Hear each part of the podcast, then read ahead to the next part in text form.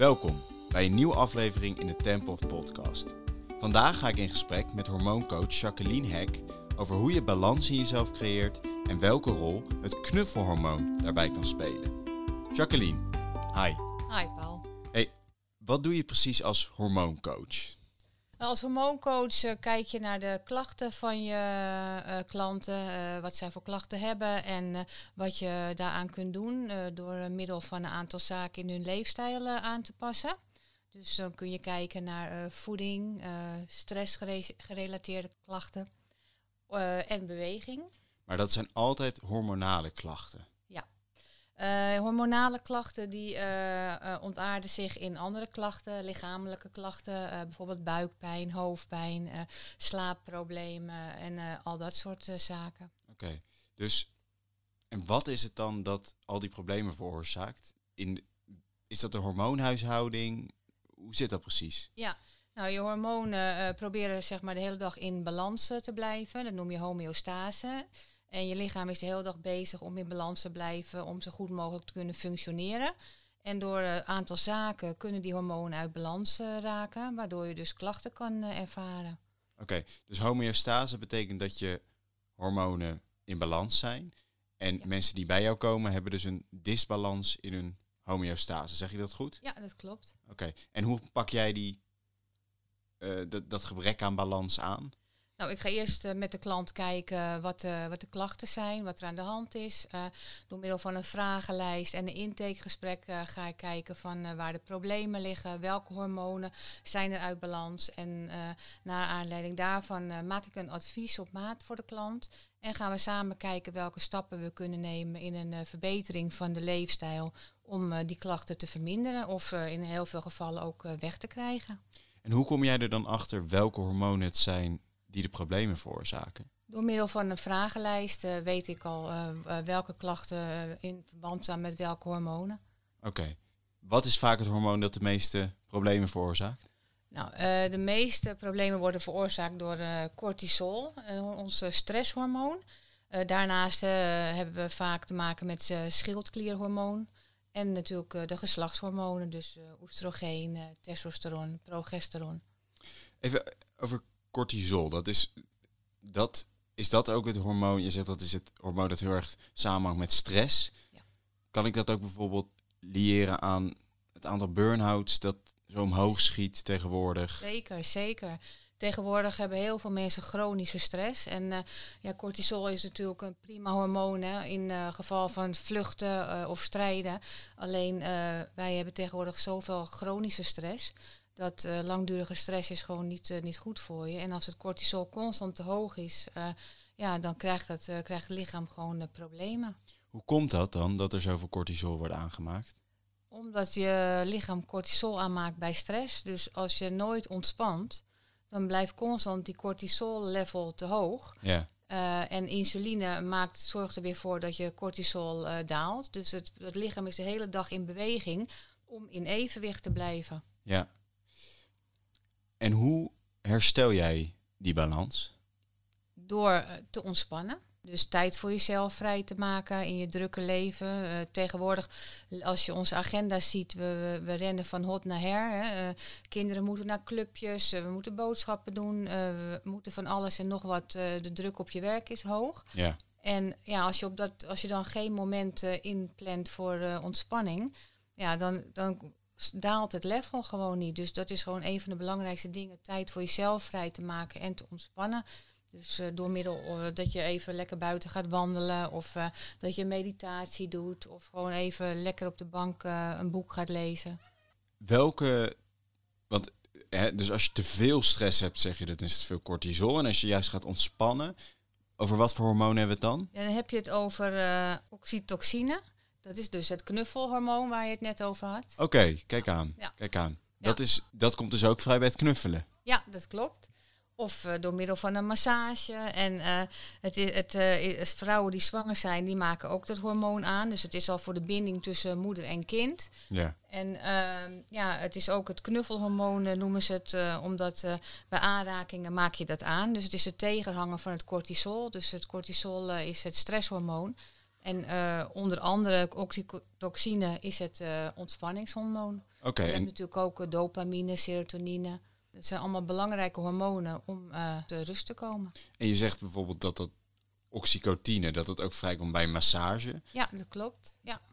Werk jij daar ook mee? Ja, ik ben ook sportmasseur. Dus ehm, ja, ik geef ook massages inderdaad. En ook daarmee kan je die balans herstellen? Ja, zeker. Ja, want het is ook een vorm van ontspanning. En daarmee maak je ook dat hormoon aan. Wat zijn nou vaak voorkomende valkuilen op het gebied van hormoonhuishouding, waar de mensen in hun levensstijl iets aan kunnen doen? Uh, nou, wat ik net al eigenlijk zei, is uh, een stukje bewustwording van de stress. Uh, daarnaast speelt voeding een belangrijke rol. Oké. Okay. En beweging, dus sporten of wandelen buiten of fietsen. Als je maar in beweging bent, is ook goed voor je lichaam. Ja. Dus dat zijn wel de drie belangrijkste speerpunten die, waar je wat aan kan doen. En op welke manier speelt voeding een rol bij hormonen? Nou, de hormoonhuishouding? Tegenwoordig uh, eten we best wel, hè, als je het om je heen kijkt, afhaalmaaltijden. Ja, ik zal, mag, ik weet niet of de McDonald's mag noemen, maar... bij deze. Bij deze, ja. Uh, ja, Fastfood dan. Ja, het is allemaal uh, transvetten en uh, ja, het is eigenlijk toch een soort nou ja, vergif voor je lijf. En je moet eigenlijk zo zien, je lichaam is een fabriek die ook gewoon goede voedingsstoffen nodig heeft. En ja, vitamine, mineralen, de juiste vetten en eiwitten. Ja. het zijn een soort bouwstenen voor je lichaam. Dus Ja. als je dat gewoon ehm, niet doet, en je eet heel veel slechte dingen, uh, Ja. wat al je lijf als een soort vergif ziet, Ja. ja, dan heeft je lichaam heel veel energie nodig om, die, eh, om dat voedsel te verwerken. Ja. Dus eh, ik zeg altijd tegen mijn klanten, als je probeert 80% eh gezond te eten en 20% eh, mag je dan ook eh, natuurlijk wel eens eh, een uitzondering maken dat je wat lekkers neemt of eh, een wijntje of wat dan ook. Hè. Maar eh, dan heeft je lichaam in ieder geval 80% eh, gezo- gezonde eh, voedingsstoffen. Oké. Dus dat is gewoon heel belangrijk. Dus doordat we zo af en toe zo ongezond eten, is ons lichaam zoveel bezig met de verwerking van het eten dat die Ja. hormonen ook weer helemaal Ja, uit klopt. balans Ja, raken. dat klopt. En daar kunnen we op letten, dus bijvoorbeeld door te letten op transvetten. Ja, Wat zijn dat precies? Nou, dat zijn eh, vetten wat in, eh, in een hamburger zit of in, in patat, eh, in koek en snoep. Het wordt door de fabrikanten zo gemaakt hè, dat je het lekker vindt, dus dat je er meer van gaat eten. Er zit een speciaal stofje in. Dus ehm, daardoor eten we daar meer van. Oké, een soort verlangensvet Juist, ja. eigenlijk. Kijk, want als jij een bord met broccoli hebt, dan is het nooit zo dat je daar te veel van eet eigenlijk. Hè? Want Nee. op een gegeven moment ben je dat wel zat. Ja, ja. Ja. Eerst nog even, jij zei eh, drie go- goede, drie grote pijlers voor die hormoonhuishouding zijn voeding, ontspanning en sport. Op welke manier werkt sport dan? Nou, eh, buiten bewegen is heel erg belangrijk voor jezelf. Omdat je dan enerzijds eh, eh, ontspant. Even in de buitenlucht is goed voor je. Maar je lichaam heeft ook beweging nodig. Als je beweegt, dan breng je zuurstof naar je hersens. Dus je ziet ook vaak met oudere mensen als ze niet meer buiten komen. Hè, dan gaat het ook vaak weer sneller achteruit met ze. Dus het is gewoon heel belangrijk voor je bloedsomloop en voor je lymfesysteem dat je in beweging bent. Ja. Welk advies zou jij vanuit jouw werk, vanuit de coaching die jij doet, de hormooncoaching, mee kunnen geven aan de luisteraar? Waar ze zelf bijvoorbeeld aan kunnen beginnen om die hormoonbalans af en toe weer op orde te krijgen. Nou, ik denk dat het heel belangrijk is een stukje bewustwording. Ja, Hè, van wat eet ik eh, elke dag? Eh, een stukje bewustwording van hoe ziet mijn leven eruit? Kijk eens naar jezelf. Kijk eens waar word jij gelukkig van? Eh, wat ontspant jou? Dus ik denk dat bewustwording het allerbelangrijkste is om, eh, om dat aan te pakken. en heel veel knuffels geven dan. Heel veel knuffels geven, ja. Ja, Ja. ja. Maar liefde geven is altijd belangrijk, hè? Is er eh, te weinig bewustwording, denk je? Ik denk dat heel veel mensen er niet bij eh, stilstaan. Ehm, ik denk dat heel veel mensen hun leven leven en niet bewust mee bezig zijn van nou, wat ze willen in het leven of wat goed is voor ze in het leven. Ja, En ik denk als je meer tijd ehm, aan, je, aan jezelf besteedt, ja, dat je daar gewoon heel veel mee kan bereiken. dus af en toe ook gewoon aan jezelf denken. Ja, juist. En wat geeft er zoveel energie aan jouw werk als hormooncoach?